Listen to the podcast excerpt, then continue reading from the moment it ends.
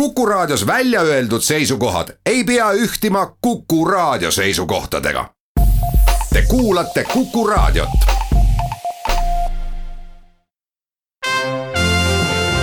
Tallinna Filharmoonia esitleb Filharmooniline huvitaja tere päevast, head kuulajad! tänane saade on pisut eriline, võiks isegi öelda, et rahvusvaheline, sest Tallinna Filharmoonia kunstiline juht Risto Joost on Leipzigis ja meil on temaga sinna otseühendus. tere, Risto! tervist! kuidas sul seal läheb ja miks sa sünnipäeval nii kaugel oled? tänan küsimast, olen kaugel selleks, et varsti koju tulla. mul on äh, lõppemas selline kolmenädalane tuur Kesk-Euroopas, olen siin Amsterdamist jõudnud Leipzigisse ja pärast nelja kontserti Madalmaade Kammerorkestri kammerkooriga Amsterdami kontsertkepaus ja, ja ümbritsevates linnades. nüüd valmistan ette siin Leipzigi MBR-i raadio sümfooniaorkestri ja kooriga Joosef Haydni oratooriumit loomine ja meil on kavas lavastatud versioon eh, kohalikus Peetri kirikus. Eh, nii et nüüd on veel viimased ettevalmistused ja, ja kontsertetendus on laupäeval ja siis saabki juba koju tulla nii et sa oled töine olnud, aga oled sa ka ikkagi osa saanud Tallinna Kammerorkestri sünnipäevast ja sellest melust siin? no loomulikult, meie sünnipäev on juba, juba pikemat aega käimas, aga tõepoolest nüüd kulmineeruvad pidunädalad, mis nüüd kenasti on käima läinud märtsi algusest ja kulmineeruvad siis seitsmenda aprilli suure galakontserdiga, on väga kenasti käima läinud kõigepealt siis meie väga hea sõbra ja tunnustatud jatsmuusiku Kristjan Randalu musitseerimisel ja tema loominguga, nii et, ähm, et selles mõttes pidunädalad on käima läinud ja nüüd on tõesti äh, väga eriline hetk, et äh, Andrew Lawrence King, kes on maailmas tuntud kui selline barokkmuusika haldjase kuningas korraga, et ta on oma olemiselt kui ka oma mängumaneerilt ja tema pilliks on ju harf, mis on selline lüüriline instrument, aga samal ajal ka hästi baroki mõttes rokilik instrument, kui seda vaja on et toob publikule noh, tõesti jah, ma arvan, ennenägematu barokiõhtu ähm, Eestis ja, ja Tallinna Kammerorkestri sünnipäeva raames. ometi on ta õppinud ju ka organistiks ja vokalistiks, ta on väga mitmekülgne mees. jah, ja eks see olegi ju traditsioon, et ähm, et sellised muusikud, kes on nii ansamblijuhid ähm, kui ka instrumentalistid, on väga laiapõhjalise haridusega ja ja tänu oma laulja taustale on ta loomulikult selle repertuaariga väga hästi erinevat pidi kursis ja ja ise väga loov ja minul on temaga olnud õnnelik juhus äh, kokku puutuda erinevatel kordadel nii Eestis kui välismaal, Eesti Filharmoonia Kammerkoori kaudu kõigepealt Paul Hilleri kutsumisel laulsin kunagi soolot äh, temaga kaunites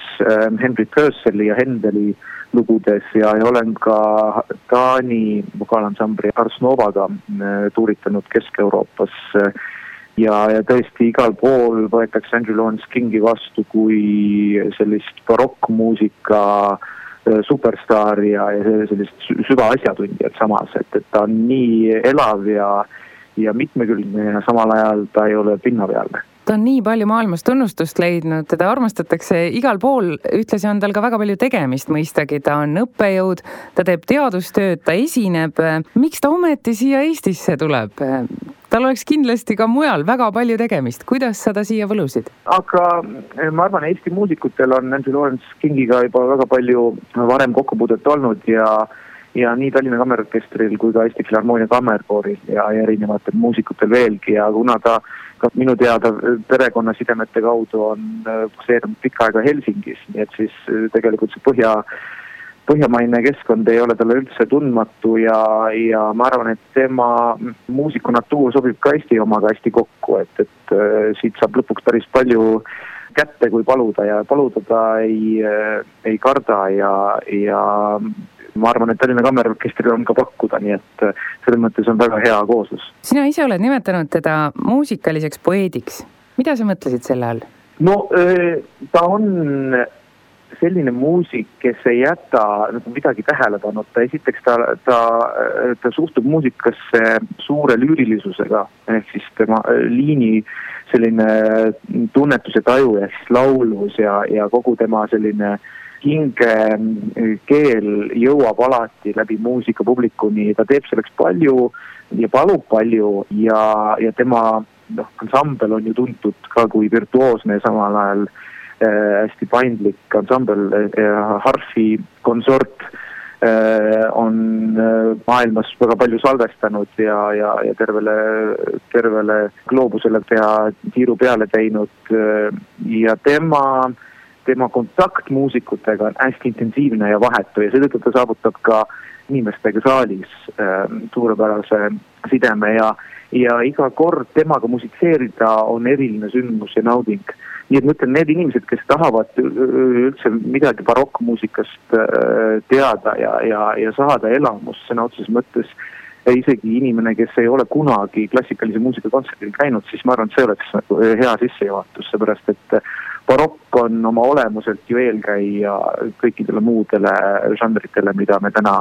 tänapäeval tunneme barokk oli aeg jah, mil hakati muusikat tegema ainult kuulamiseks, et varem oli muusikal ikka ka praktiline mõte kaasas. mida see tegelikult muusikas kaasa tõi, mida see muutis kuulajate jaoks, muusikute jaoks? no muusikas muutis väga palju, loomulikult muusika areng on olnud ju meeletu ja, ja see on tavaliselt liikunud ju kaasa üldise äh, kultuurilise arenguga ja ka riigikorra muutusega, mõjutusi on, on tõesti igast kandist ja barokkmuusika lihtsalt oma, oma olemuses järsku muutus ähm,, ma julgeks öelda, veelgi äh, inimlähedasemaks ja, ja otseseks ja hakkas rääkima mingisugust konkreetset lugu mis siis läbi erinevate muusikavormelite ja noh, seal ju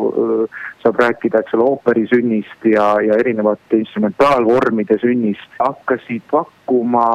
kunstilist meelelahutust, ehk siis, et seda muusikat ei mängitud enam ainult taustaks, vaid seda tõepoolest ka kuulati ja, ja saadi sellest osa ka intellektuaalselt. Ja, ja noh, ütleme barokkmuusika üleüldse seetõttu on pannud aluse minu arvates võib-olla kõige suuremale sellisele lääne muusikakultuuri voolule, et ühest küljest on ta ähm,, ta baseerub rütmil ja, ja selles mõttes see rokk on seal sees äh, iga, igati kohane sõnaliide ja teisest küljest laulul, mis siis on äh, ju, ju juba aegade algusest olemas, et, et selline rütmi ja laulu äh, efektiivne koosmusitseerimine, mis baseerub väljendusrikkal sõnakasutusel, ehk siis et ta on ta on äh, sõnateenistuses ja, ja toob esile efektselt ja nii muusika kui teksti sümbioos ähm, võimendab selle sõnumi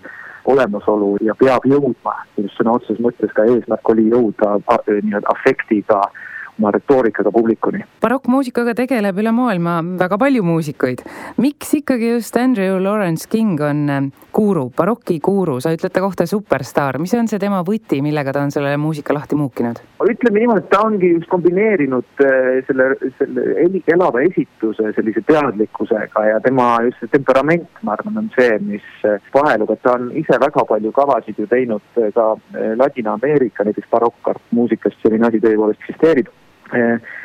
ja meie kutsusime teda nüüd Eestisse prantsuse barokkmuusikaga, mis on muidugi nagu põimitud erinevatest heliloojatest eh, sellepärast, et prantsuse barokki tegelikult Eestis kuuleb väga harva ja see on fantastiline muusika ja selline kontrastne ja revolutsiooniline. miks seda harva kuuleb, vabandust, segan vahele? no kuidagi Eestis on traditsioon esitada loomulikult ju,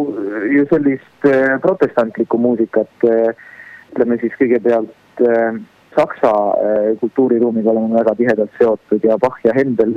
ja muud Saksa kultuuriruumis tähed, Telemann, Buxtehude kõlavad ikkagi ju Eestis ja, ja Inglise barokki kuuleb ka, aga Prantsuse oma vähem, kuna see on meile kaugem ja see on võib-olla keeleliselt äh, kaugem ja see traditsioon üleüldse ei ole meie kultuuriruumiga kuidagi tihedalt seotud, aga see on selles mõttes natukene isegi eksootiline ja väga efektne ja kaasakiskuv nii et ja pidustusteks, mida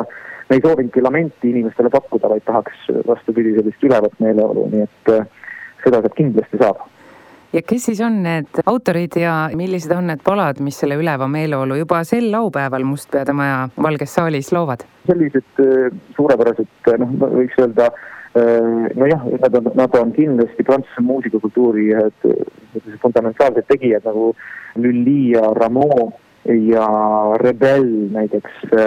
on üks erakordne helilooja, kes kirjutas sellise teose nagu Elemendid, mis tuleb ka ettekandele, kus siis, kus siis on tõesti omale ajale sellist taeva ja maa ja universumi ja maagia ja keemia sellist otsingut mis on pandud muusikasse, ehk siis äh, on sellised harmooniad, mis omal ajal olid täiesti šokeerivad ja mõjuvad isegi praegu kaasaegsena, nii et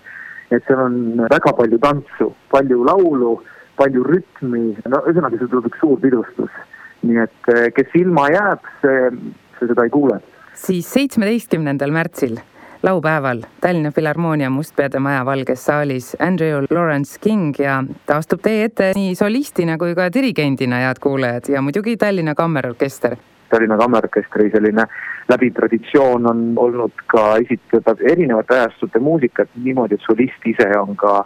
ühtlasi dirigendi rollis, et mõnikord ta astub üles soolonumbriga ja orkester on saatefunktsioonis ja mõnikord äh, isegi mängib ja juhatab samaaegselt, sellist äh, hõrku musitseerimist äh, leiab seal, seal palju ja, ja näebki sellist, ütleme,